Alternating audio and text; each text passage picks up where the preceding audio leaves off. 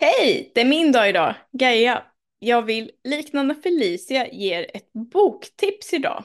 En av mina favoritböcker när det kommer till populärvetenskaplig etologi. Jag hoppas kunna förmedla min kärlek för den här boken till er nu i dagens avsnitt. Bokens originaltitel är Are we smart enough to know how smart animals are av Frans de Waal. Titeln skulle på svenska bli översatt till något i stil med Är vi smarta nog att veta hur smarta djur är?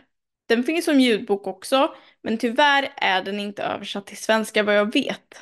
Men det är som sagt en populärvetenskaplig bok, så så länge man kan läsa en vanlig roman på engelska klarar man av detta galant.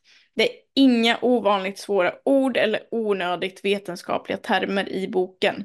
Och boken handlar egentligen, precis som titeln säger, om djurs kognition och intelligens och den utmanar verkligen gränserna. Han bemöter och konfronterar de förutfattade meningar som många av oss har kring vad det betyder att vara smart. Och om vi verkligen har gett djuren en ärlig chans genom de testerna vi utfört för att komma fram till att så här, delfiner är smartare än en kyckling till exempel. Han gör allt detta genom att återberätta delar av sitt liv och sina resor och om människorna han har mött genom livet. Samt genom att förklara på ett väldigt underhållande vis olika forskningsstudier som utförts när det kommer till djurkognition. Och människokognition om man vill sära på de två sakerna.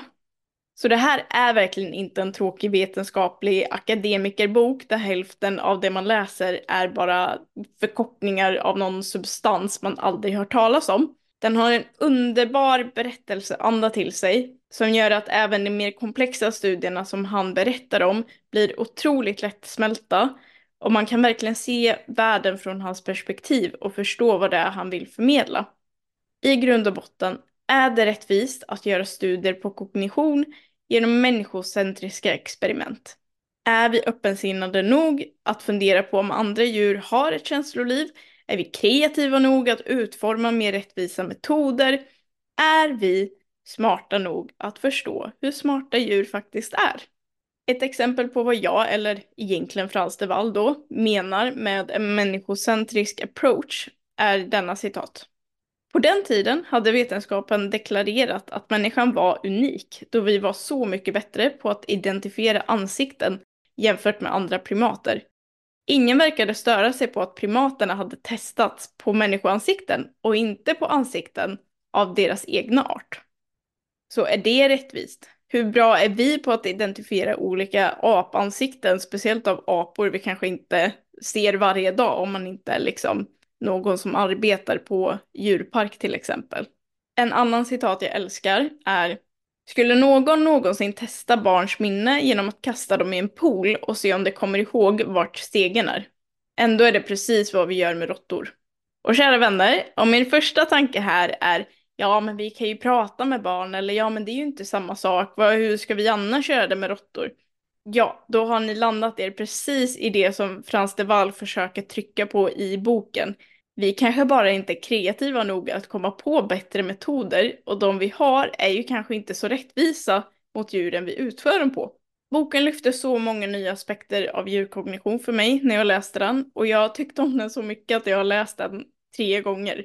Boken diskuterar även Skinners teorier kring operant betingning och hur det förhåller sig till mer komplexa beteenden och jag tycker verkligen att den är relevant för alla som kommer i kontakt med djur på något sätt. Speciellt för oss som kanske faktiskt kommer i kontakt med djur dagligen. Det kan också vara bra att nämna att inte alla inom akademin håller med om det Frans de Waal säger och hans tankar kring djur och djurkognition. Men så är det ju med allt. Och att få många olika synvinklar gör ju att man kan skapa sin egen åsikt bättre kring saker. Och vem gillar inte att läsa lite kontroversiella böcker som kanske faktiskt utmanar ens tankesätt och tankebanor? Med det sagt lämnar jag er med ett sista citat från boken. En gång återberättade en journalist om hur hon hade blivit skickad till Konrad Lorenz kontor av hans receptionist, bara för att hitta den tom. När hon frågade runt så intygade folk om att han var på sitt kontor.